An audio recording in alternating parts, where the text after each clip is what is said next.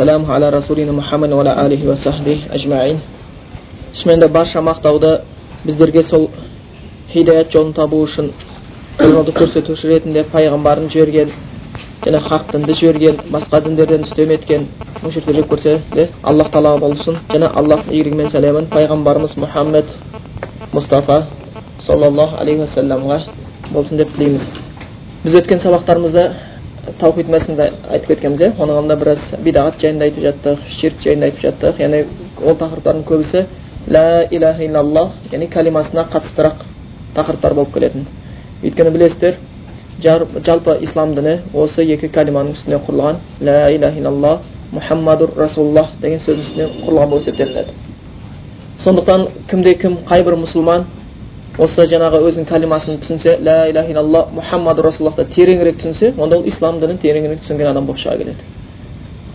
Егер бұны тереңірек түсінбеген болатын болса онда ол да ислам дінін терең түсінбеген адамдардың қатарына кіріп қалады екен. Сол кәлимада лә иляха иллаллах яғни жалпы мағынасы бүкіл құлшылыққа бір ғана аллах тағала лайық яғни аллахқа лайық болған ғибадаттың ешбір түрін аллахтан бөгде нәрсеге арнауға болмайды. Деген тақырып екенін жалпы түсініп жатырмыз. Сондықтан бұл бірінші сол қатты көңілге бұрылатын нәрсе таухид екен. Екінші тақырыбы мұхаммадур расулуллах етін яғни мұхаммед аллахтың елшісі деген сөз болып келетін. Бұл тақырыпта да біз біраз айтып өткенбіз. Бірақ кішкене есімізде қалу үшін қайталау үшін біз бұны қайта қайталауды дұрыс көріп отырмыз.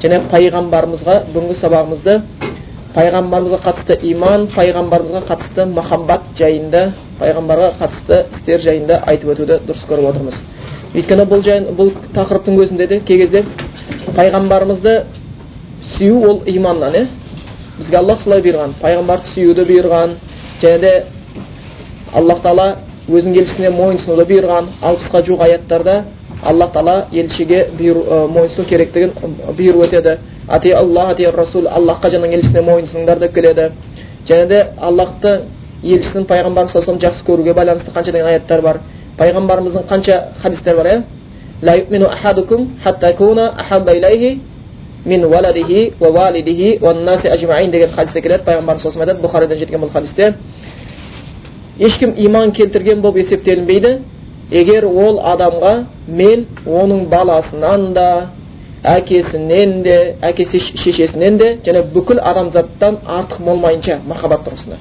Мені өзінің баласынан да әке шешесінен де бүкіл адамзат баласын артық сүймейінше иманды бола алмайды дейді. Иманды бола алмайды дейді. Сондықтан пайғамбарымыз саллаллаху алейхи иман келтіру жаңағы өзіміз айтқан сияқты ислам дініне кіретін кезде әрбір мұсылман айтады әрбір кісі айтады ислам дініне кірер кезінде ашхаду ан ла иляха иллаллах уа ашхаду анна мұхаммадан абдуху ва расулух деп. Яғни расында куәлік беремін менің ешқандай күмәнім жоқ тек қана бір ғана алла құлшылыққа лайықты және куәлік беремін мұхаммед пайғамбар саллаллаху алейхи вассалам аллахтың елшісі деп куәлік берумен кіреді яғни бірінші сөздің мағынасы түсінікті яғни барша құлшылықты тек аллахқа арнау керектігі енді екінші сөздің мағынасы ол аллах тағалаға жасайтын құлшылықты пайғамбарымыз саллаллаху алейhi үйреткен түрде жасау пайғамбарымыз саллаллаху алейхи уассалам бізге үйреткен түрде жасау болып келеді екен одан кейін осы ашаду ан ла илаха иллаллах ашаду анна мұхаммад расулаллах деді соның екінші бөлімдегі ашаду анна мұхаммадан мұхаммад расулаллах деген сөз мағынасы расында куәлік беремін аллахтың елшісі ешқандай күмәнім жоқ деген ұғымды қамтиды екінші пайғамбардың көрсеткен сүннетіне ерем деген мағынаны қамтиды мұхаммад расул деген еремін деген мағынаны қамтиды одан кейін аллах тағалаға құлшылығымды пайғамбарымыз саллаллаху алейhi көрсеткендей жасаймын деген мағынаны қамтиды оның қайтарғандарынан қайтамын бұйырғандарын істеймін деген мағыналар қамтиды яғни мұхаммаду расулаллах деген яғни ашаду анна мұхаммадан расулаллах расулаллах деген сөз яғни куәлік беремін мұхаммед аллахтың елшісі деген сөз осы мағыналарды қамтиды екен егер бұл мағыналарды қамтымаса онда иман толық болмайды. Яғни біз мұхаммад расулаллах деген оның расында аллахтың бізге жіберген елшісі екенін нақты сенуіміз керек жүректен және ол дінін толық жеткізгеніне сенуіміз керек?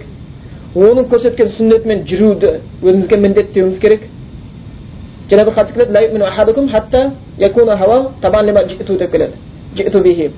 ешкім иманды бола алмайды. Егер ол бүкіл өзінің нәпсісін мен келтірген мен үйреткен нәрсеге ертпейінше дейді яғни өзіміздің қалауымыз да нәпсіміз де бәрін пайғамбарымыздың сүннетіне салуға тырысуымыз керек. Яғни біздің нәпсі қалауымыз сүннеттен жоғары болып кетпеу керек. Кейбір адамдардың бидағатқа деген махаббаты пайғамбарымыз сүннетін тәрк етуге алып келіп жатады. Тіпті хадисті де мойындамай кетеді. Яғни сондықтан пайғам осы кәлиманың мағынасы екінші. Бір ғана аллах құдайға құлшылық бір ғана аллах құлшылық етуге лайық болатын болса екіншісі сол аллахқа алып баратын жол бір ғана жол ол пайғамбарымыз көрсеткен сүннет жол сондықтан осы жерде аллахқа елшісіне иман келтірдім деген мағына куәлік берген деген мағынамыз оның жаңағы сүннетіне еру оның аллахтың елшісі екеніне нақты сену және оның бұйырғандарын істеу қайтарғандарынан қайту және аллахқа сол пайғамбарымыз үйреткен құлшылық түріменен құлшылық жасау аллах тағалаға яғни пайғамбарымыз үйреткен құлшылық түрлеріменен құлшылық жасау болып келеді екен сондықтан бүгінгі сабағымызда осы жайында айтып өтіп кетуді дұрыс көріп отырмыз. Одан кейін пайғамбарымыз саллаллаху алейhi бір хадисі бар. Пайғамбарымыз айтқан сен кімді сүйсең сонымен бірге боласың дейді. Сондықтан пайғамбар саллаллаху сүйген адам ертең пайғамбарымызбен біруге бірге болуына мүмкіндік табады. Бұл үлкен бір құрметтердің бірі еді. Сондықтан пайғамбарымыз саллаллаху кезінде қанша деген сахабалар болды ол кісіні көруге нәсіп еткен. Сол кісіні қандай жақсы көрген кісілер болған еді? Хазіреті омардың өзі пайғамбарымызға уаллахи деп ант ішіп айтқан аллахқа ант етейін мен сені бүкіл нәрседен артық жақсы көремін және бір сөзінде мен сені өзім жанымнан да артық жақсы көремін деп айтқан. Сахабалар сондай болған еді пайғамбарымызға тіпті сонда ухуд соғысы болып жатқанда басқа болғанда пайғамбарымыз сахабаларды истишара дейді кеңеске шақырған кезде айтатын еді иә аллахтың елшісі бүкіл малымыз сенің үшін біздің жанымыз да сен үшін қолыңа тапсырдық егер сен бізді ертіп алып теңізге жүретін болсаң біз де жүре береміз батамыз деп қаймықпаймыз. Біз аллахтың дінін тарау үшін алдыңда жүріп те артыңда жүріп те оңынан да солынан жүріп шайқасуға дайынбыз. Біздің малымыз жанымыз сенің қолыңда. Саған тапсырдық саған сенеміз дейтін. Яғни ол кісінің аллахтың елшісі екеніне сенгені соншалықты өздерінің жанына бірде бір қиянат істемейтін және өздерінің пайғамбарды өздерінің жанынан да малынан да артық сүйетіндіктеріне дәлел ретінде осы көрсетіп кеткен болып табылатын еді сондықтан біз осы сабақ, сабағымыздың ә, пайғамбарымызға қатысты махаббат жайында бастар кезінде ә, азап сүресінде келетін еді қырқыншы қырық бесінші аяттарда соны бір ә, айтып өтіп соның мағынасын одан кейін сабағымызда осы пайғамбарға қатысты кейбір аяттарды айтып өтеміз одан кейін сабағымызды осы жалғастырып отырамыз ол аятта айтады ما كان محمد أبا أحد من رجالكم ولكن رسول الله وخاتم النبيين расында мұхаммед пайғамбар ешкімнің әкесі болған жоқ дейді. Яғни пайғамбарымыздан кейін тарған жоқ иә? Бірақ ол аллахтың елшісі және пайғамбарлардың соңы дейді. Аллахтың елшісі пайғамбарлардың соңы. Яғни аллах тағала біздің тағдырымызға пайғамбарлардың ішіндегі ең абзалы болған және соңы болған сүйіктісі болған мұхаммед мұстафа саллаллаху алейhi үмбеті болуды жазған екен енді оның қадірін түсіну түсіне білу баршамызға шынымен қажет істерден болып келеді екен сондықтан қолда барда алтынның қадірін білместік қылып жасап жүргені сақ болу керек сонда ол соңғы аллахтың елшісі және соңғы пайғамбар дейді аллах тағала айтады я осы аяттың жалғасында ей иман келтіргендер аллах тағаланы өте көп еске алыңдар дейді аллах тағаланы өте көп еске алыңдар дейді негізі аллахты көп ойлау иманның күшеюіне алып келеді жүректің тыныштығына алып келеді аллахты ұмыту шайтанның азыруына жол ашып қоя береді әрқашан. Сол үшін пайғамбар саллаллаху сахабаларына өсиеттердің көбісіне тілің аллахты ойлағаннан кетпесін деп келеді. Тіліңді аллахты ойлағаннан кетпесін әрқашан аллахты ойлап жүр. Егер адам аллахты ойлайтын болатын болса ойлайтын болса шайтан қашады дейді. Халаса жасырынады дейді. Егер аллахты ойлағанды тоқтайтын болатын болса уасуаса азғырады дейді.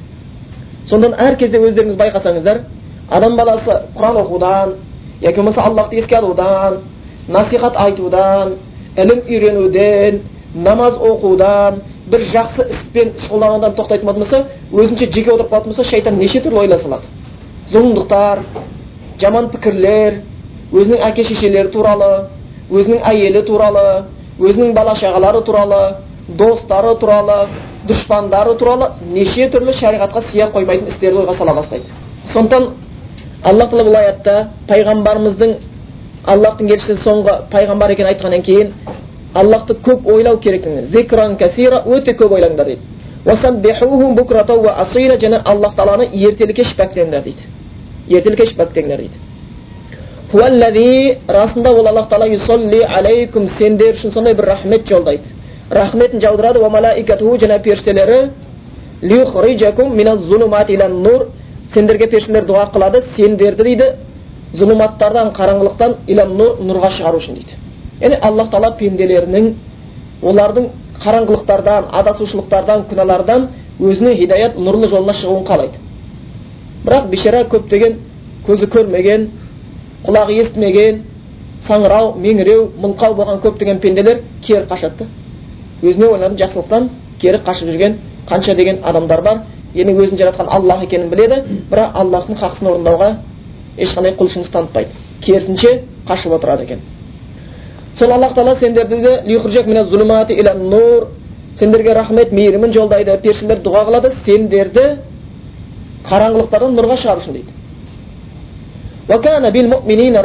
аллах тағала иман келтіргендегі өте мейірімді дейді иман келтірген құлдарына сондай мейірімді дейді аллах тағала шынымен ойлап қараңыздар хадисте келеді аллах айтады егер құлым мені ойласа мен ойлаймын дейді маған жүрсе мен оған бір қадам басса жүремін дейді маған қарай жүрсе жүгіремін дейді да алдынан жүгіремін дейді әлемнің раббысы аллах тағала әлемнің раббысы болған аллах тағала маған қарай құлым жүрсе жүгіремін дейді сондай мейірімді енді біз жасаған құлшылықтарымызбен аллахтан бірдеңені дәметудің өзі ұят та ғалымдар айтады егер адам баласы құдайдың өзіне берген нығметтерін ойласа дейді да құдайдың өзіне жасаған жақсылықтарын ойласа дейді және өзінің құдай үшін жасап жатқан құлшылықтарын таразының басына салыстырып көретін болса дейді құлшылық істеп жүрмін дегеннен ұялып қалар еді дейді бір құлшылық істеп жатырмын ау дегеннен ұялатын еді бірақ аллахтың мейірімділігі да бізге деген. Бізге деген мейірімділігі өзімізге өзіміз жақсылық істетіп қойып соған сауап жазады. Бізге тамақ жегізеді бісмилля деп же десең сауап жазып қояды. Және біз тамақ жеп жатырмыз.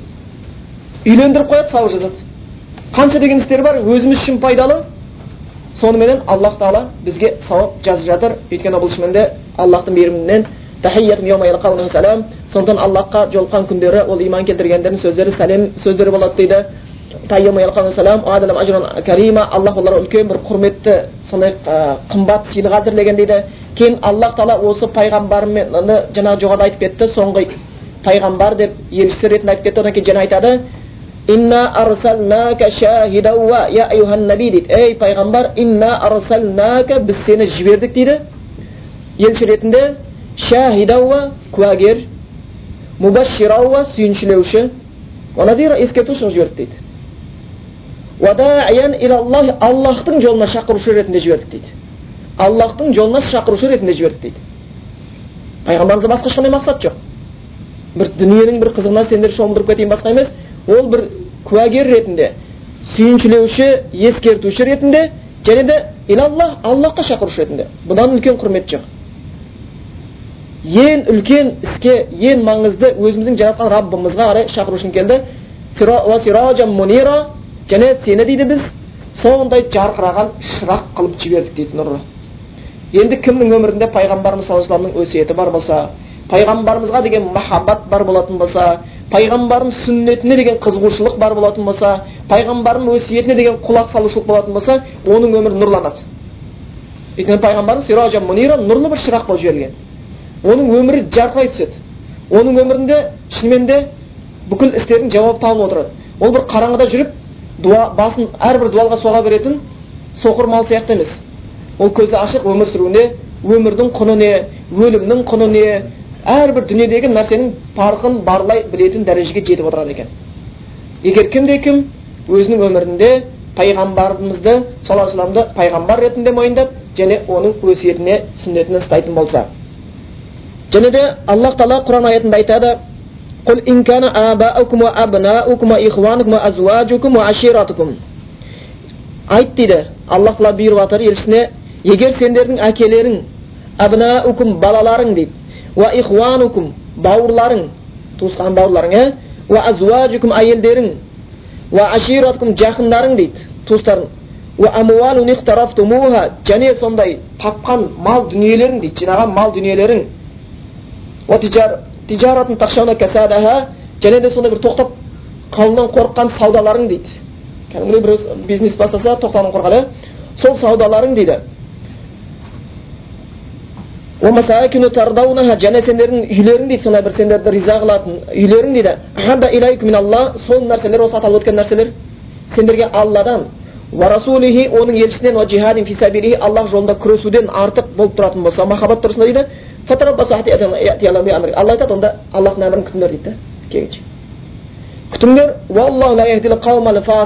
аллах ондай пасық қауымды тура жолға салмайды дейді ондай пасық құлдарын тура жолға салушы емес дейді егер бұдан былай аяттан көріп отқанымыз сияқты пайғамбарымызды жақсы көру керектігі жайында.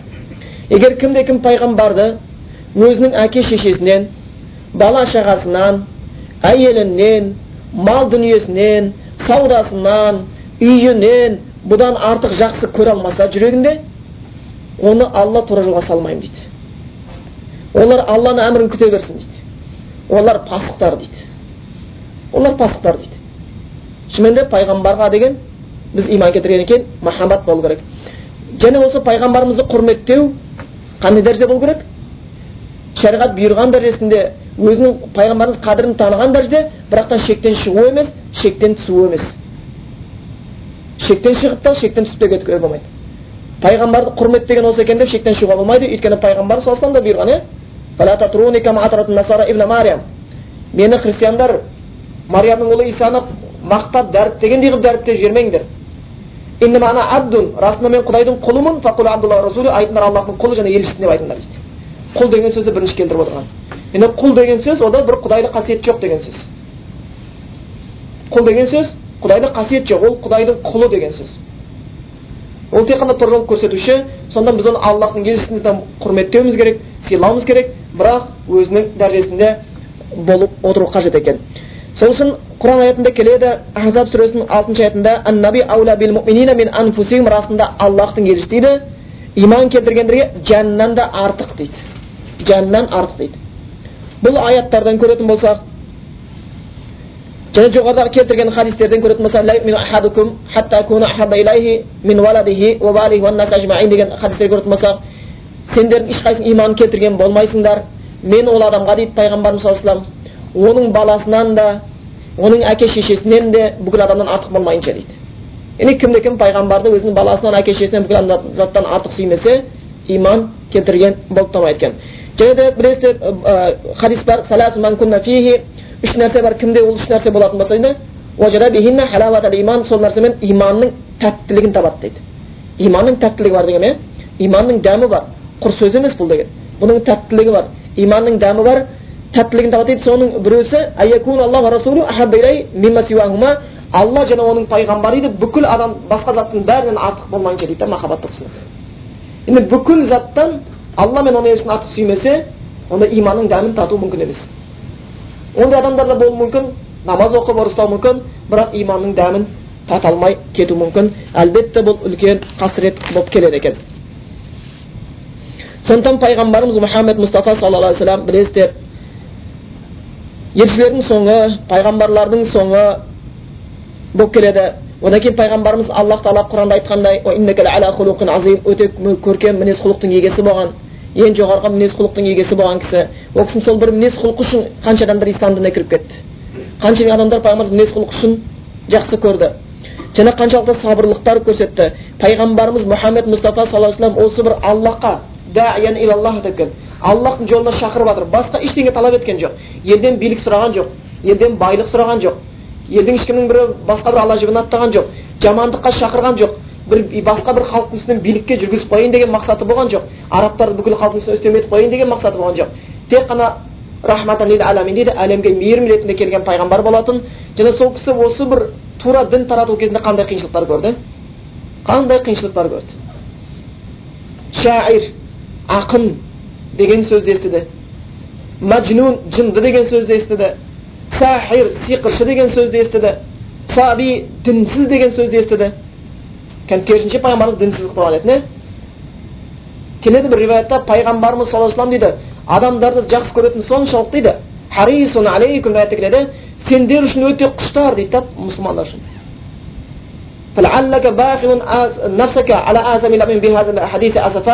және аятта келеді.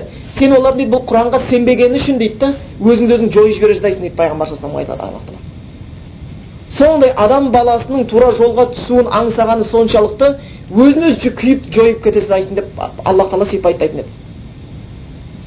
Сондай пайғамбар саллаллаху дейді адамдарға үйіне барып тұрып уағыз жасар еді дейді. Сонда дейді желкесінен бір адам жүріп керісінше уағыз жасайтын еді дейді.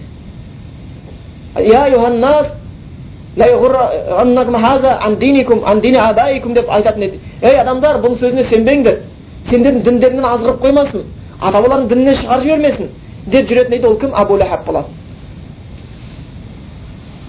сондықтан ол пайғамбарымыздың дін тарату кезінде қаншалықты қиындықтар көрсетті пайғамбарымыз мұхаммед мұстафа саллаллаху алейhi білесіздер таифта қандай жағдайда болған ешкім сөзін тыңдамады бір адам бір ісін қабыл етпеді пайғамбарымыз бар болған олардан бір ақша сұрайын деп барған жоқ жай сұрайын деп барған жоқ тамақ сұрайын деп барған жоқ олардың өздерінің бақытты болулары үшін дозақтан құтылып жәннатқа кірулері үшін шақырды бар болғаны ең ұлы сөз лә иляха иллаллах мұхаммаду расулаллах деген сөздің мағынасын түсіндіру үшін барды сол кезде ол адамдардың қаншалықты надан екендігі пайғамбарымыздың бір сөзін тыңдамады мазақ қылды келеке қылды таспен қуалады үсті басын қан қан қылды кейін пайғамбар сондай зәбір көрсетті егер қазір біздің біреуімізге таспен қуаламай ақ қойсын ештеңе демей ақ қойсын сөзімізді тыңдамаса асыл адамсыз дұрыс па қазір көшеде кетіп жатқанда біреуіміз біздің мұсылман болғанымыз үшін бетімізге түкірсе басын жұлып алуға дайын тұрамыз пайғамбарымызға сондай қиыншылық көрсетті пайғамбарымыз әлбетте әлемге мейірім үшін келген еді және соны үйреткен болатын сонда оған аллах тағала жәбірел періште хабар беріп оған таудың періштесін жіберді таудың періштесі аллахтан маған сені айтқаның істе деп айтты. Қаласаң ақшабайын екі тауды қоса салып мына таифтағы енді тау күл талқан қылып жіберуге бұйырсаң істеуге дайын әзірмін деді періште. Сонда пайғамбарымыз саллаллаху айтты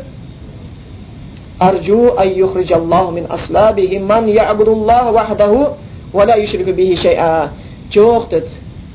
Мен аллахтан үмітім бар деді. Бұлардың ұрпақтарынан құдайға серік қоспастан жалғыз ғана аллахқа құлшылық қылатындардың шығатынына деді. Сондай бір кісі болған еді. Шынымен де ол қаншалықты адамзат баласына нәрселерді жеткізіп отқан сондықтан әрқашанда пайғамбарымыз саллаллаху вассаламға бір жақсы көру оның шынымен де қаншалықты біздерге дін үшін жәрдем еткен есте сақтау оны жадымызда ұстау мұсылман адамдар үшін қажетті істердің бірі болып келеді. Және баршамыз білеміз сол пайғамбарымыз саллаллаху алейhi емес па осы отырған баршамызды. Егер сол пайғамбарымыз саллаллаху алейhi себебі болмаса аллах тағала сол кісінің дағуатымен біздерді осы тұрға салмаса біз мына жерде аллахтың ең көркем сөзі аллахтың аяттарына құлақ салмас едік тура өзіміз сияқты адамдар қазір тура өзіміз сияқты адамдар. Казинода жүр. Тура өзіміз сияқты адамдар дискотекада жүр. Карта ойнап жатыр арақ ішіп жатыр зинақорлық қылып жатыр олардың сәжде туралы ойлары да жоқ пікірі де жоқ. Бізде осы нұр қараңғылықтардан адасушылықтар осы күнәдан осы бір құдайдың нұрлы жолына себепкер түсуімізге себепкер болған кісі пайғамбарымыз саллаллаху алейhi болып келеді әлбетте қалайша одан кейін пайғамбарды жақсы көрмеуге болады кеше біздің надандығымыздан кейін ешқандай біліміміз жоқ кезде осындай бір білімге жеткізген кім болып келеді қайтадан пайғамбарымыз саллаллаху алейhi емес пе сол кісінің пайғамбарымыздың бізге үйреткені үшін соншалықты кезінде пайғамбарымызды қылқындырып тастап жатса да қабырғасын сындырып жатса да бет аузын қан дала қылып жатса да тісін сындырып жатса да өкшесін қанатып жатқан болатын болса үстіне түйенің шек қарын төгіп жатса да осы бір дінді жеткізді. Жеткізді және соның арқасында сол нығметтің арқасында біз қазір осы жерде пайғамбарымыздың үйреткен діннен ұстап аллахтың аяты мен пайғамбардың хадистерін тыңдап отырмыз. Сол пайғамбарымыз саллаллаху алейhi біздің баршамызды адасушылықтан осы тура жолға салған болатын. Қанша деген адасушылықтар бар. Қазір кездің өзінде қаншалықты адасушылықтар толып жатыр ширктен таухидке келтірді. Біздің баршамыздың көзіміз соқыр болатын болса көзімізді ашты. Құлағымыз керең болатын болса құлағымызды естіртті. Жүрегіміз сондай бір бітеу болатын болса ол жүрегімізді де тірілткен сол пайғамбарымыз саллаллаху алейhi еді. Шындап келген кезде өлілерді тірілткен пайғамбарымыз саллаллаху алейhi болатын. Өйткені имам бұхаридан жеткен хадисте келеді алланы ойлайтын адам мен алланы ойламайтын адамның мысалы дейді өлі адам мен тірі адамның мысалы дейді да құранда да бұл аяттар келеді осы жайында біз сендерді тірілдік деген сондықтан құдайды ойламайтын адам ойлағаны күнә дүние тиын тебен болған адамдар тірі өліктер бар болған әлі кебіндері оралған жоқ әлі жер астына қойылған жоқ бар болғанда жыбырлап жатқандықтары. Бірақ олар тірі өліктер сондықтан шын тірілу кеудеге жанның кіруімен болмайды. Шын тірілу жүрекке иманның кіруімен болады. Өйткені өйткені кеудесіне жаны кірген адамның бәрі жәннатқа кіреді деген жер жоқ. Бірақ кеудесіне иман кіргендер жәннатқа кіреді деген сөз бар. Сондықтан сол бір жүрегімізге аллахты тануымызға сол раббымызды тануымызға аллах тағала сүйетін істерді істеуімізге үйреткен пайғамбарымыз мұхаммед мұстафа саллаллаху алейхи уассалам болатын және пайғамбарымыз саллаллаху алейhi аз еді көп қылды қазір қанша деген мұсылманшылықтар бар және де пайғамбарымыз саллаллаху алейhi біздерді ешқандай бір жақсылық қалдырған жоқ баршасын бізге үйретті әрбір жамандықтардан біздерді сақтандырып кетті жоғарыда айтқанымыз сияқты көзіміз көрмейтін көзіміз көрсетті естімейтін құлағымызды естіртті соқыр жүрегімізді көзін ашты өйткені құранда аят бар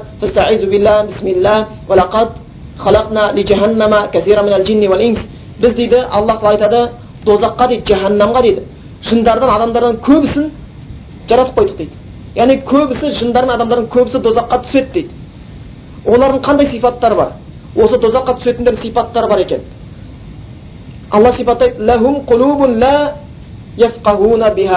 олардың жүректері бар дейді кеудесінде бірақ түк түсінбейді. Олардың көздері бар ештеңені көрмейді дейді. Олардың құлақтары бар бірақ ештеңені естімейді дейді. Олар мал сияқты тіпті олар малдан төмен дейді. Хумул нағыз қаперсіздер солар дейді да. Кеше шынымен де баршамыз жүрген кезде табан астына туа салып дінге келіп қалған жоқпыз мүмкін осы жерде жетпіс жыл атеизм болды неше түрлі діннен шығаратын құдай жоқ деген сөздерге дейін барып құдайдың серік қосу өз алдына былай тұрсын. Сондай сөздерге барып жатқан кездерінде шынымен де аллах тағаланың осы тура жолына түсу өлі халімізден тірі халімізге келуімізге жаңағы дозаққа түсетіндер жүректері бар түк түсінбейтін көздері бар түкті көрмейтін құлақтары бар түк естімейтін болатын болса біздің осы жүрегімізді әйтеуір пайдалы иман толтырып түсінетін жүрекке келтіргеніне себепкер болған пайғамбарымыз саллаллаху және осы түк көрмейтін көзімізді көруге себепкер болған пайғамбарымыз саллаллаху өмірдің құнын не екенін ажыратуға өмірдің құны не екенін ақ пен қараны ажыратуға түсінуге мүмкіндік берген пайғамбар саллаллаху болады. Өйткені шынымен де кім бұл дүниеде соқыр болса ақыретте соқыр және адасқандардың ең бейшарасы дейді. Адасқандардың ең бейшарасы дейді пайғамбарымыз аллах тағала құранда осылай деп айтқан бір кісі айтады самолетте келе жатыр едім көрші жерде бір әйел кісі отырды дейді үстіне өте қымбат асыл тастардан бұйымдар тағынған екен дейді. Сөйтіп екі әйел кісі сөйлесе бастады дейді. Шіркін мынаның бәрі сізде бриллиант па деп айтты дейді. Иә бриллиант деп айтты дейді. Сен де мен тентекпін бриллианттан басқаны тақпаймын ғой деп айтты дейді. Мә мынауыңыз ше қандай о мынау қандай керемет о бұл сіздің жолдас қандай мықты! Деген анау кәдімгідей үрленіп мақтанып жарылып екеуінің сөзінің бәрі дүние бойындағы асыл тастарды мақтау болып жатты дейді. Бірақ та әңгіменің төркіні біраздан кейін айтты дейді біздің бір танысымыз бар еді жақсы семья еді олардың балалары бар еді біз ол балаға қызығатын едік соларға бір бақытсыздық келді деп айтты дейді мен тыңдап отқанда дейді не болды деп солардың баласы намаз оқып кетті деп айтты дейді олардың баласы намаз оқып кетті дейді міне соқырлық деген қандай болады да міне кереңдік деген қандай болады кез келген нәрсені терісінен көреді кез келген нәрсені терісінен оларға ақ қара қара ақ болып жатқан кез. Сондықтан кім бұл дүниеде соқыр болса ақыретте соқыр және адасушылардың ең бейшарасы дейді. Сондықтан біздердің шынымен де аллахқа сансыз шүкірліктер болсын пайғамбарымыз саллаллаху алейhi салауаттар болсын. Алла тағала ол кісіні себеп қылды. Ол кісі біздің осы бір тура жол табуымызға және адасушылықтан құтылуымызға біздің қараңғылықтардан нұрға шығуымызға ширктен осы таухидты түсінуімізге білімге ие болуымызға пайдалы ақырет дүниемізге пайда беретін көзімізді ашқанына құлағымызды естірткеніне аллах тағаланың ол кісіге игілігімен сәлем болсын дейміз. Сол үшін аллах тағала құранда пайғамбарымыз сипаттаған кезде айтқан расында келді сендерге өздеріңнен болған пайғамбар келді дейді. Өздеріңнен. Біз сияқты адам ол кісіде. Ол кісіде сүйек бар еді ол кісіде ет бар еді. Ол кісінің әкесі болды ол кісінің шешесі болды ол кісі жетімдікті көрді ол кісі қой бақты ол кісі сауда қылды ол кісі қарыз алды ол кісі де қарыз берді ол кісі біз сияқты өмір сүрді. Және сол кісі дейді өздерінен келді дейді азизун сендердің қиналғандарың оған ауыр тиеді дейді. Пайғамбарымыз сондай қатты не алейкум сендер үшін өте бір сондай құштар еді ынтазар еді. Және сондай бір иман келтіргендерге жұмсақ та мейірімді болатын дейді. Сондай сипатта болды пайғамбарымыз саллаллаху алейхи және сол сипатта қаншалықты нәрселерді үйретіп кеткен болып келетін. Сондықтан осы мұхаммад расулаллах деген сөздің жаңа бір нәрсе біз баршамыз білуге тиіс болған нәрсе біз пайғамбарымыз саллаллаху алейхи сондай сүюіміз керек пайғамбарымыз саллаллаху алейхи еруіміз керек біз пайғамбарымыздың сүннетімен жүруіміз керек. Пайғамбарымыздың сүннетімен жүру ол пайғамбар аллахтың махаббатына бөленуге алып келеді біздерді. Пайғамбарымызға мойынсыну аллахқа мойынсынумен тең. Сол үшін пайғамбарымыз саллаллаху аллах тағала құранда не деп айтқан? Айт оларға егер сендер алланы сүйетін болсаңдар фаттабиуни маған еріңдер деп айт дейді. Яғни пайғамбар айтады менің сүннетіммен жүріңдер деді құдай сендерді сүйеді құдай, сендердің күнәларыңды кешіреді деп айтып кеткен болатын. Сондықтан пайғамбарымыз саллаллаху алейхи вассаламның деген махаббат баршамызға өте қажет. Және ол махаббат пайғамбарға деген махаббат сүннетке жетектейтін болу керек бидағатқа жетектейтін болмау керек. Егер кімнің кімнің махаббаты пайғамбарға деген сүннетте емес бидағатқа жетектейтін болатын болса онда бір кемшілік бар. Онда бір кемшілік бар. Сондықтан біздің әрқашанда пайғамбарға деген махаббатымыз сүннетке жетектеу керек. Өйткені пайғамбар саллаллаху айтып кеткен кімде кім бір істі істесе ол істе біздің бұйрығымыз болмаса дейді. Не аллах бұйырмаған болса не пайғамбарымыз саллаллаху алейhi бұйырмаған болатын болса сол істі істесе мені аллахтың разылығы үшін істесін қабыл емес дейді. Қабыл емес дейді. Қанша бір бидағатшылар бар бекерге өнім бермейтін егінді егіп жүрген. Қабыл болмайтын амалдың соңына әуре болып жүрген. Оларға қандай бір жақсы болатын еді? Жай ғана пайғамбардың сүннеттерін орындаса және соныменен кішкене шектелсе өз уақыттарын ертең өнім бермейтін нәрселермен айналысқаннан көрі сол үшін пайғамбарымыз саллаллаху алейхи уассалам осы пайғамбарымыз саллаллаху байланысты кейбір пайғамбарды жақсы көруде пайғамбарға иман келтіруге байланысты кейбір бауырларымызда кейбір кісілерде қателіктер кетіп жатады. Соның кейбіріне тоқталып өтеміз. Соның бірі расул саллаллаху дейді пайғамбарымызға еру сүннетінен ұстану тастап қойып жатыр. Пайғамбардың сүннетін ұстануды тастап қойып жатыр. Бұл пайғамбарымызға деген махаббаттың кері көрінісі болып келеді. Егер сен пайғамбарды жақсы көрсең онда оның сүннетіне ұстанасың. Болып келеді екен. Оның сүннеттерін ұмытып кетіп жатыр дейді. Оның сүннетін үйренуге көңіл бұрмайды дейді.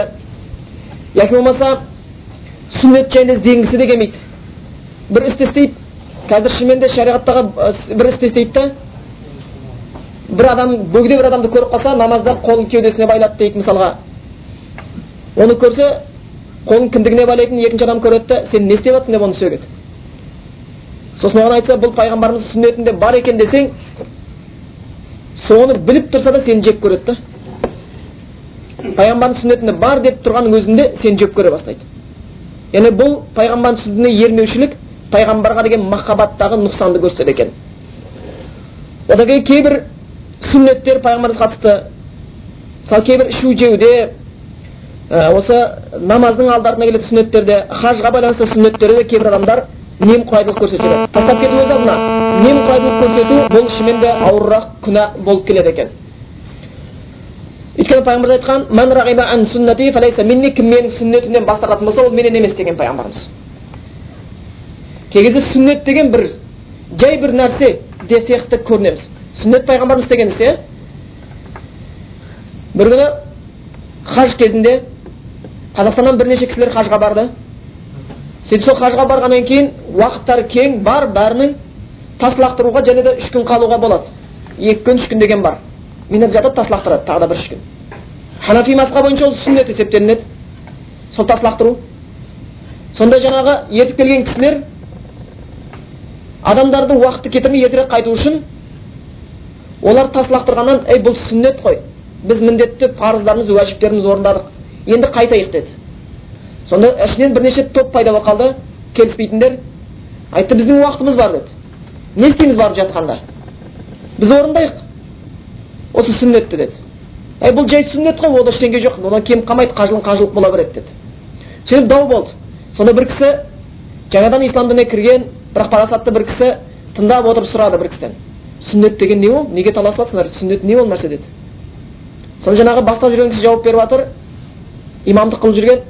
Сүннет дегеніміз пайғамбар істеген істер жай әшейін деді. Соны астағфираллах деді да біз сонау жақтан аттың арқасын жауыр қылып осы жаққа келген кезде ең сүйікті бізге осы дінді үйретіп дозақтан құтылып жәннатқа кіруге себепкер болған пайғамбардың сүннетін істеуге ерінеміз ба деді. Жай сүннет деп тастап кете береміз ба деді. Шынымен қарап тұратын болсақ кей кезде сүннетке деген немқұрайдылық болмау керек қазіргі кезде сондай нәрселер кездесіп жатыр одан кейін және де бір пайғамбарымыздың махаббатына пайғамбарымызға қарсы бір жапа болатын пайғамбарымыздың қадірін түсінбеушіліктің себептерінің және біреусі кездесіп жатқан ол пайғамбарымыз жеткен сахих хадистерді қабылдамау бұл да пайғамбарға деген махаббаттыңдағы нұқсанды көрсетеді пайғамбарымыздан жеткен сахих хадисті қабылдамау бұл да пайғамбарға деген иманның махаббаттың кемістігін көрсетеді екен кейбіреулер пайғамбардың сахих хадистерін болмайтын бір дәлелдермен қайтарғысы келеді мысалға ақылға сәйкес келмейді екен ақылыма сәйкес келмейді сондай топтар шығып жатыр дажал иса түседі деген ақылыма сыймайды мен мойындағым келмейді бұл хадисті мен мойындамаймын пайғамбарымыз сахи жолмен жетіп отырса да менің ақылыма сәйкес келмейді деп шыққанда топтар пайда болып жатыр яки болмаса бұл хадиспенен амал істеу онша жараспайды онша қабыл етілмейді деп кемсітетіндер бар яки болмаса біздің заманымызға лайықты болмай тұр бұл хадис яки болмаса біз оған амал істеуге мүмкіндігіміз жоқ болмаса тәкаппарлықпенен қабылдамайды кейбір хадисті өзінің істеп жүрген ісін қате екенін білген кезде біреу дұрыс хадистен келтірсе тәкаппарлығынан адамның ілім алғанын қош ар санап хадисті қабылдамау нәрселер кездеседі және кейбіреулер ей бұл ахат хадис қой ахат хадис деген бар бір ғана жолмен жеткен хадистер бір ғана риwayat етушімен жетіп отырған хадистер бірақ шариғатта көптеген нәрсе осы ахат хадистермен жеткен. Құбыланың ауысуы мысалға ахат хадиспен құбыла ауысқан кезде пайғамбар саллаллаху кейін қыблатайын аталды да ол мешіт екі қыбла деген сөз.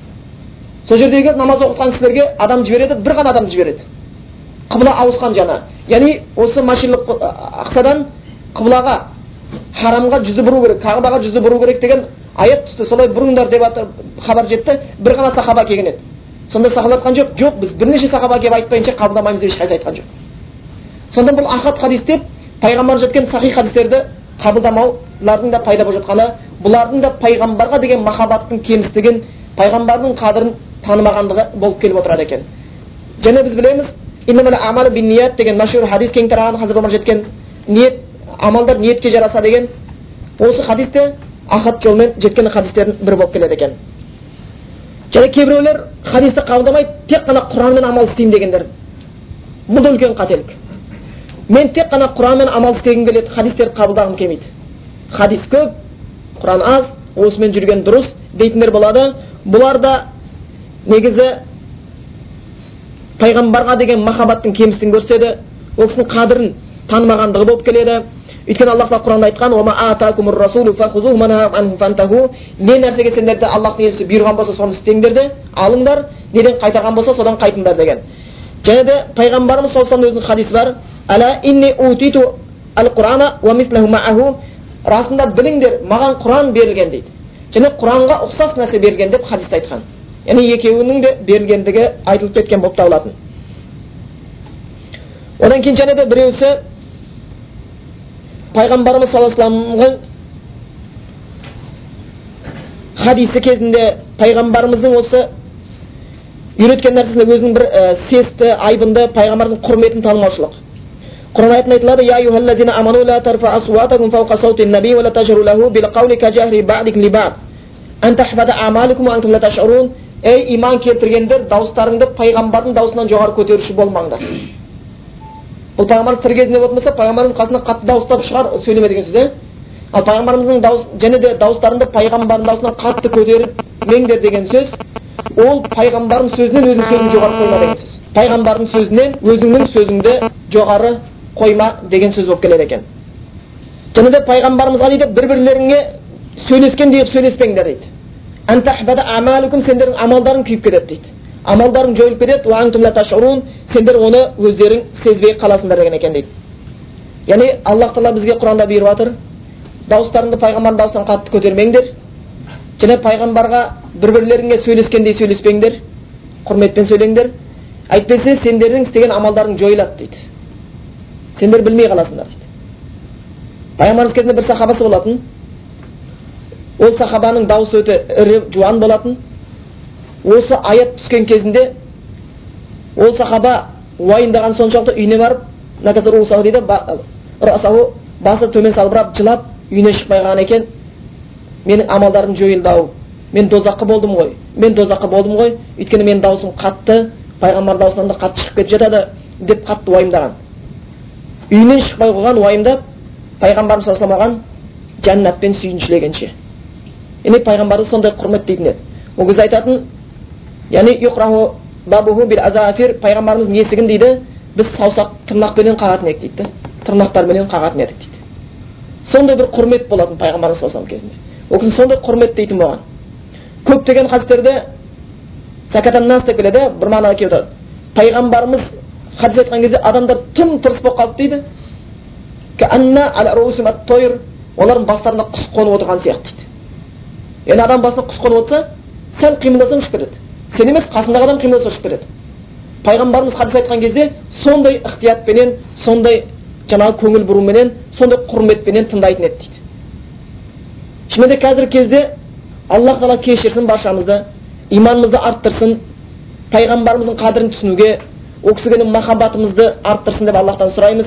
Өйткені шынымен де қазіргі кезде мұсылмандардың кей кезде бір халдерінің нашар болуы өздерінің ниеттеріне амалдарына тақуалықтарына да қатысты болуы мүмкін. Өйткені пайғамбарымыз кезіндегі сахабалар селефтер ол кісілердің пайғамбарға деген құрметін қарайтын болсақ қазіргі біздің кездегі құрметпен салыстырғанда шынымен де аспан мен жердей айырмашылықтар көріп жатамыз. Кей кезде біз бір мәжілістерде пайғамбарымыздан ондаған жүздеген хадисті айтамыз.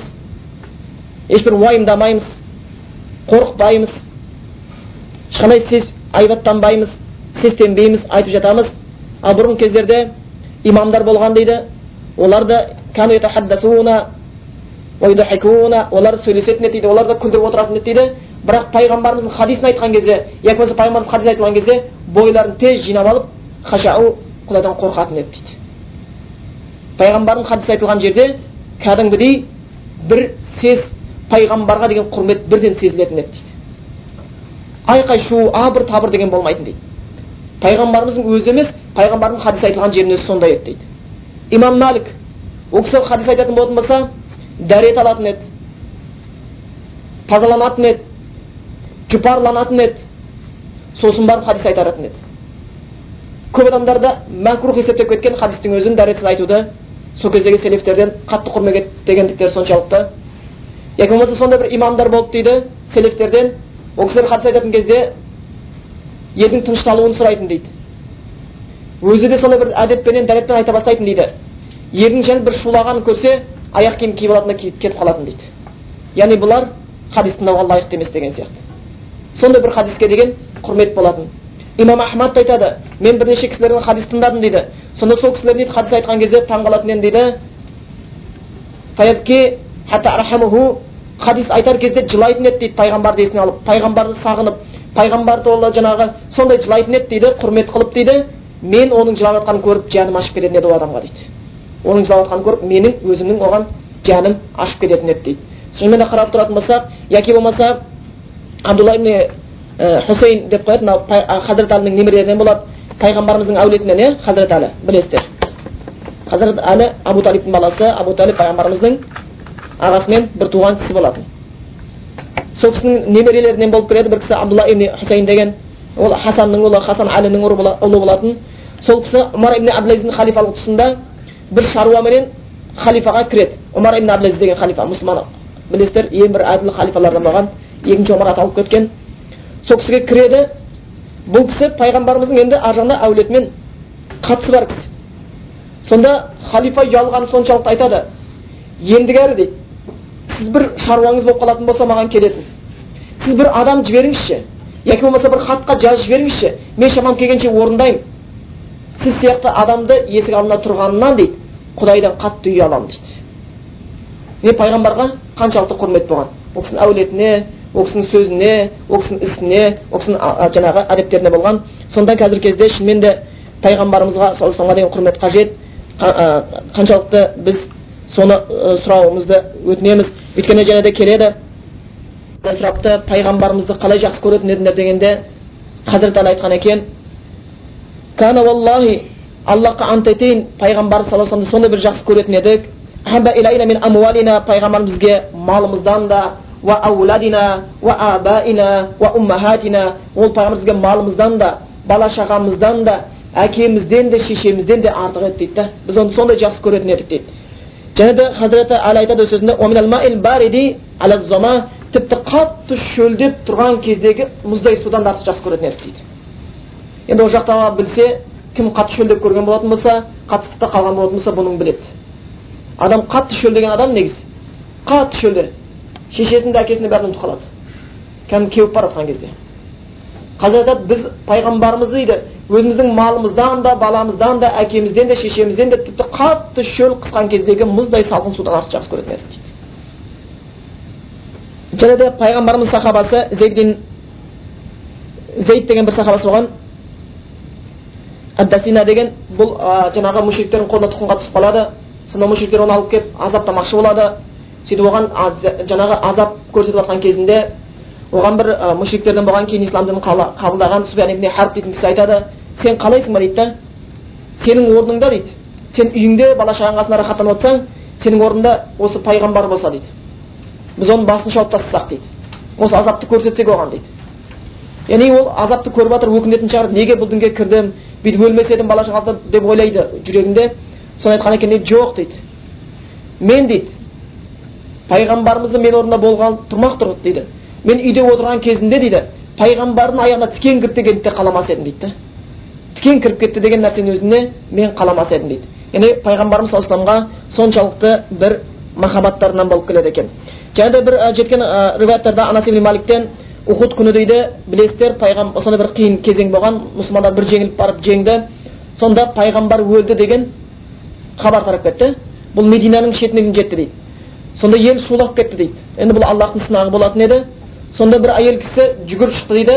Осы хабар естіген кезде ол әйел кісінің ол соғыста күйеуі бар етін әкесі бар етін баласы бар етін және бауыры бар етін. Жүгіріп шықты әкесінің де баласының да бауырының да бұлардың қасынан өтіп кетті. Пайғамбарды іздеді әкең қайтыс болды десе мән беріп жатқан жоқ. Балаң жоқ бауырың жоқ пайғамбар пайғамбар қайда пайғамбар қайда деп сұрап жүрді сонда пайғамбарымыз саллаллаху көріскенде әне тірі ол кісі деген кезде сонда ол ай кісі айтқан екен дейді сенің тірі екеніңді көргеннен кейін қалған қайғының бәрі маған жеңіл деген екен дейді сіздің амандығыңызды көруден кейін маған бүкіл қайғы жеңіл деп айтқан екен дейді сонда шынымен де олардың соншалықты бір қатты жақсы көргендіктері және де ума хабиба деген кісі болған абу суфиянның қызы абу суфиян бір күні қызын зиярат етуге келеді. Ума хабиба ол кезде пайғамбарымыз саллаллаху үйленген болатын. Бұл өзінің бір оқиғасы бар еді. Сондай бір аналарымыздан бірі құрметті. Сол қыздың үйіне келеді. Абу суфиян ол кезде әлі мушрик етін. Пайғамбарымыз оның қызын алған. Қызы мұсылман болды. Үйіне келеді. Сөйтіп жаңағы бір орын пайғамбарымыз отыратын көрпе болады. Пайғамбарымыз отыратын көрпеге отырайын деп жатқан кезде қызы жүгіріп барып астынан көрпені суырып алып қояды. Жүгіріп барып астынан көрпені суырып алып қояды. Сонда абу суфиян жерге отырып қалады да айтады қызым неге бұлай істедің? деген кезде айтады сіз әлі мушриксіз дейді. Да мына пайғамбардың көрпесі еді дейді. Да пайғамбардың көрпесінің үстінде отырғаныңызды қаламадым дейді. Яғни бұлардың қанша деген бір махаббаттары қазіргі кезде алла сақтасын аллаға шүкір әлі де мұсылмандар бар бірақтан пайғамбардың бір нашар суретін салып жатыр дейді. Аллах тағала оларды қор етсін сол сурет салушыларды сөзсіз қорлық көреді олар. Одан құтылып кеткен еш нәрсе жоқ. Ұзаққа бармай ақ қорлық көреді. Өйткені аллахтың елшісін мазақ ету деген ол аллахқа соғыс ашумен тең. Сонда қанша деген мұсылмандар сол кезде бар екенін көрсетті. Шын мұсылмандардың бар екенін аллахты сүйетінін. Сонда шын мұсылман пайғамбарымызға байланысты бір жерде нашар сөз айтып жатқан болатын болса пайғамбарымызға байланысты қатты нашар қалжың айтып жатқан болатын болса оны тоқтата білетін мұсылман. Егер пайғамбарды біреу анекдот қылып жатқан болатын болса күлдірген пайғамбарымызды мазақ қылып жатқан болатын болса аллахтың дінін мазақ қылып жатқан болатын болса соған риза болып бірге күлетін мұсылман ол жай мұсылман да аты мұсылман ол әлі иманның дәмін сезбеген мұсылман ол әлі исламның құнын түсінбеген мұсылман сондықтан мұсылман адамдар соншалықты күйде болады өйткені пайғамбарымызды жақсы көргендіктен пайғамбарымыз үшін қаншалықты жан беріп кеткен сахабаларда болған білесіздер өйткені бір христианның кісісі айтады осы дейді христиан діні дейді сонша мақтанады дейді иса үшін иса адамзат баласы үшін жанын берді иса адамзат баласы үшін жанын берді дейді христиан дінінің ең негізгі өзекті тақырыбы дейді исаның адамзат баласы үшін өлгені дейді бірақ біз ислам дініне қарасақ дейді адамзат баласының бақыты үшін қанша мыңдаған адамдардың өліп кеткенін көреміз дейді және де исаны дейді ағашқа кереді деп айтатын болсақ библия бойынша дейді олардың айту бойынша әлбетте ол ағашқа керілген жоқ айтатын болсақ олардың қасында соның жүрген шәкірттерін өзі қорғауға лайықты болған жоқ ал пайғамбарымыздың қасына сәл жаңағы бір зиянды да түсірмеуге тырысқан қанша деген сахабалар болды. Пайғамбарымызды қылқындырып жатқан кезде абу бәкірдің өзі жүгіріп келді. Қорғады не істеп жатсыңдар деп. Қағбаның түнде намаз оқып жатқан кезде пайғамбарымызды кім біреу келіп шапанын шешіп мойнына орап бұрап қылқындыра бастаған. Сонда абу бәкір сенің досыңды біреулер ұрып жатыр деген кезде жүгіріп келіп арашаға түседі. Абу бәкірді қоса ұрады екеуін есінен тандырады. Кейін бұлар тарайды елдің бәрі абу бәкір үйіне кетеді бірнеше күн есін жия алмай қалады. Ол есін жиған кезде ойлаңыздар күн ыстық жерде қиналған адам бірінші ес жиған кезде су сұрайды иә адам. Бірінші есін жиған кезде су деген жоқ есін жиған кезде тағам деген жоқ есін жиған кезде менің белім көзім аяғым басым деген жоқ. Пайғамбарымыз қалай деді халі қалай деді пайғамбарымыз? Сондықтан шынымен де бұл кезде қаншалықты пайғамбарды құрметтеу керектігін біз көріп жатамыз. Сондықтан пайғамбарымыз саллаллаху байланысты сахабалар өте көптеген үлгілер көрсетіп кеткен болатын оны да қазіргі кезде түсінбеушіліктер істеп жатқандарды көреміз жаңа жоғарыда айтып кеткен нәрсеміз абдурахман ибн махди деген кісі екен ол кісі айтады егер ол кісі бір хадис оқитын болатын болса отырғандарға тынышталыңдар деп бұйыратын еді дейді ешкім сөйлемейтін еді дейді ешкім қалам шығарып отырмас еді дейді ешкім жымиып та отырмас еді хадис айтылғанда ешкім түрегеп тұрмас еді дейді олардың басында құс қонып отырғандай болатын еді дейді олар намазда тұрған сияқты сезінетін еді дейді намаздан қандай қимылдамайтын еді хадисті сондай ұйып тыңдайтын еді егер дейді сол кісі дейді хадис оқып жатқан кезінде біреудің күлгенін жымиғанын байқап қойса болмаса сөйлегенін естісе аяқ киім киіп алатын да шығып кете беретін дейді. Имам малик те ол кісі жайында айтып кетіп жатыр ол кісі сондай пайғамбарымыздың хадисін сондай қатты құрметтейтін еді дейді.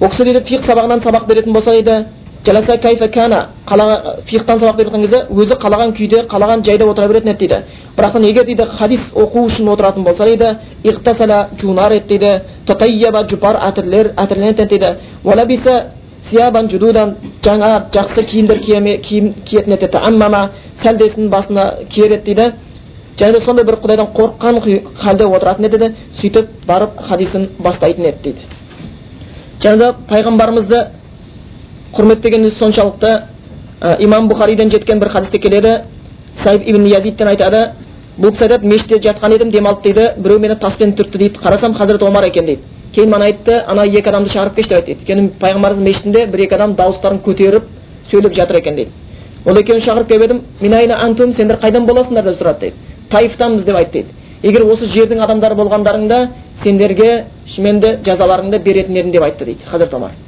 яғни пайғамбарымыздың мешітінде дауысын қатты көтеріп сөйлегендіктері үшін сондықтан пайғамбарымыз қасында тірі кезінде қаншалықты құрметке ие болатын еді одан кейін жаңа біз жоғарыда айтып кеттік пайғамбарымыздың осы махаббаттың кемістігін көрсетеді дедік жаңағы оның сүннетімен жүрмеушілік және сондай біреусінің біреусі пайғамбарымыздың сүннетін істейтіндерді кем көру мазақ тұту бұл да пайғамбарға деген махаббаттың әлсіздігін дәрменсіздігін көрсетеді мысалға айтайық бір адам пайғамбарымыздың сүннеті мүмкін оны уәжіп дәрежесіне көтерді ұстап сақалын қойғысы келді екінші бір мұсылмандар айтса ей не мынау күлкі болып елге заманға лайық келмейді қойшы күледі елдің бәрі ертең саған деп оны мазақ қылды ей не болды сақалың сақалың сенікі ешкіге ұқсап қалыпсың о пәлен екен сен осы қазақ емессің ғой деймін осы шешенсің ғой деймін мақсат мазақ қылу мақсатында сүннетті мақсат қылу мазақ қылу мақсатында кемсіту мақсатында сөйлейтін болатын болса бұл да олардың пайғамбарға деген махаббатының дәрменсіздігін көрсетеді екен. Олар әлі деп өздерінің айтқан жаңағы шахада кәлиматының екінші бөлімі ашаду анна мұхаммад расулаллах деген сөзін толық түсініп болмағандықтары болып табылады екен.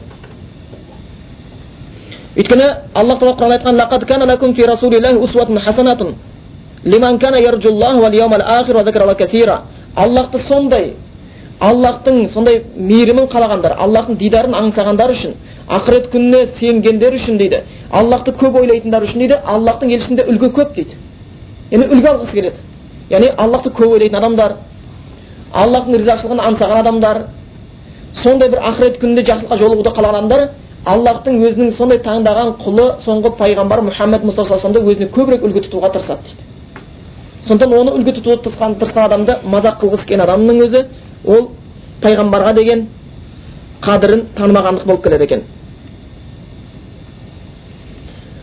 Және де кейбіреулер пайғамбарымызды құрметтеуде шектен шығып кеткендер бар.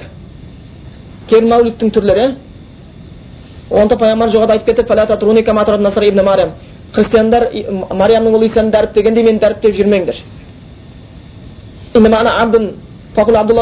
айтыңдар мен аллахтың құлымын және оның елшісімін деп. Кейбіреулер пайғамбарымыз қабір басында шектен шығуға тырысады. Сондықтан пайғамбарды жақсы көру керек сүю керек бірақтан ол кісінің шектен шығуға болмайды. Оны да естен сақтауымыз керек. Одан кейін әрқашанда пайғамбарымызға қатысы бар әдеттердің біреусі пайғамбарымыздың есімі аталған жерде ол кісіге салауат айту болып келеді екен. Өйткені хадисте бар сараң адам сол дейді. Менің атымды естіген кезде маған салауат айтпаған адам дейді.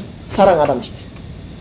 Яғни пайғамбарымыз саллаллаху алейhi вассаламға әрқашан салауат айту біздің әдетімізден болып келеді екен ол кісіге махаббатымыздың белгісі болып келеді екен және де ол салауат айтуымыз өзіміз үшін қайырлы өйткені пайғамбар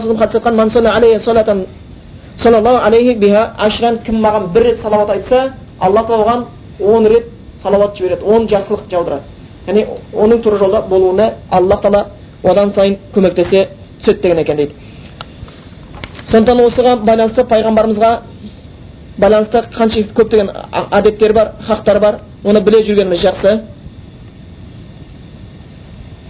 пайғамбарымыздың әдеттерінің біреусі жаңа жоғарыда айтып кеттік ол кісінің хадисін айтқан кезде де хадисін тыңдаған кезде де ол хадиске құрметті пайғамбарға деген құрметті жоғалтып алмау хадиске деген құрмет әрқашанда адамның иманын жүзін арттырып жүзін нұрландырады өйткені пайғамбарымыз дұғасы бар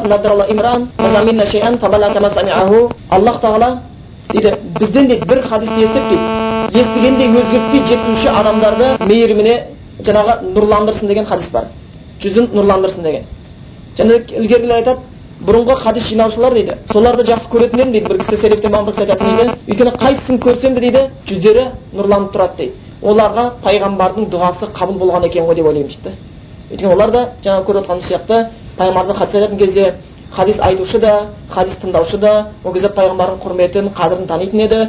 Хурайраның өзі кейбір хадистер айтқан кезде кәдімгі демін есіне жиып өзі жорға келіп айтатын еді болмаса мағауия халифа болып тұрған кезінде оған хадис келіп айтылған кезінде тағында отырған жерінен есінен танып қалған болатын. Сондай есінен танып қалған болатын еді. Сондықтан аллах тағала баршамызды пайғамбарға деген махаббатпен құрметтесін осы сөзімізді аяқтай келе айтатынымыз пайғамбарға деген махаббатты кейбір ғалымдар екіге бөлген екен біреусі парыз болған махаббат біреусі және де бір артықша болған махаббат дейді парыз болған махаббаттан туындайтын міндеттер ол мынандай міндеттер туындатады екен пайғамбарға парыз болған махаббат мынандай жемістер әкелу керек екен біріншісі пайғамбарымыздың келтірген нәрсесін қабылдау аллахтан бізге жеткізген дінін қабылдау және де пайғамбарымыздан да басқа бір құдайға алып баратын жақсырақ тура жол бар деген ойдан аулақ болу. Және бір бидағат бар керемет бір және бір құлшылықтар бар құранда сүннетте келмеген құдай жеткізеді деген ойдан аулақ болу. Осы ең тура жол алып баратын пайғамбар ол пайғамбардікі деп сену. Одан кейін пайғамбарымызға көркем түрде еру сүннетіне пайғамбарымыздан жеткен хадистерді растау. Пайғамбарымызға бұйырған нәрсесінде мойынсыну қайтарған нәрсесінде қайту. Бұл парыз болған махаббаттың жаңағы талаптары екен парыз болған махаббат пайғамбарға деген парыз болған махаббат бізге осы талаптарды сұранады екен және де соның ішіне және де кіреді дейді және де кімде кім осы пайғамбардың сүннетіне қарсы өмір сүретін болатын болса діннің тарауына кедергі туатын болатын пайғамбарымыз келтірген дініне қарсы бір істер істейтін болатын болса онымен күресу дейді шамасына қарай бұл да парыз болған махаббаттың талабы бұл да парыз болған махаббаттың талабы болып келеді екен бұнсыз иман кәміл болмайды екен және артықша болған махаббаттың ішіне кіретіні ол жаңағы пайғамбарымызды үлгі тұту бүкіл істерінде ол кісінің мінезін әдебін ол кісінің істеген нәпілдеріне қатты көңіл бұру ішуіне жетуіне жатуына әйелдермен болған қарым қатынасына осыларды да көңілге бұрып өміріне кіргізе беру бұл да жаңағы артықша болған махаббаттардың ішіне кіреді екен сондықтан біз жоғарыда айтып кеттік кәлима екі мұсылман адам дінге кіргенде ашаду ан ла иляха илlalloh ашаду анна мұхаммад расулаллах деп кіреді соның екінші ашаду анна мұхаммад расулаллах деген мағынасы ол аллахтың елшісі екенін рас екеніне сену және оған бұйырған нәрсесіне мойынсыну оның келтірген нәрселерін хабарларын растау қайтарғаннан қайту және аллахқа тек қана сол пайғамбарымыз үйреткен шариғат түріменен құлшылық жасау болып келеді екен сосын әрқашанда пайғамбарымызға салауат айтуды естен шығармайық деп айтып кеттік. Өйткені аллах құран айтқан расында аллах тағала және оның періштелері пайғамбарға салауат айтады дейді ей иман келтіргендер аллахтың елшісіне салауат айтыңдар және сәлем жолдаңдар дейді. Сосын салауаттың ә, айтқан кезде әрқашанда құр жаңағы сәлем сөзімен шектелмей салауатты да қоса айту яғни саллаллаху алейхи уассалам салатты айтылу керек саламды айтылу керек екеуі қатар айтылу керек алейхиссалам деп шектеліп қоймаған жақсы өйткені құранда екеуін айтты салауат айтыңдар уассалиму және сәлем айтыңдар деп екеуін де бұйырған сондықтан алейхиссалам деп шектелмесін алейхиссалату уассалам оған игілік пен сәлем болсын деп екеуін қайта айтып отыру жақсы болып келеді екен және салауат біз білеміз өте көптеген жерлерде бізге бұйырған ташахудта салауат айтып жатамыз құтпада салауат айтады жаназа намазында салауат айтады. Азаннан кейін дұғаның кезінде ибн қайим өзі жаңағы шариғатта өзі салауат айтылуға тиісті болған жерді қырық бірге жеткізген екен. қырық бірге жерге жуық жерде аллах тағаланың бізге шариғатында салауат айтылу керектілігі айтылып отырған екен. Сондықтан аллах тағаланың игілігі мен сәлемі пайғамбарымыз мұхаммед мұстафа саллаллаху алейхи уассаламға болсын. Аллах тағалаға сансыз шүкірліктер айтамыз. Бізге сол пайғамбарын жіберіп сонымен бізді тура жолға шығарғандығына және басқа діндерден үстем болған осы дінде өмір сүруімізге нәсіп болғанына аллахқа сансыз шүкірліктер етеміз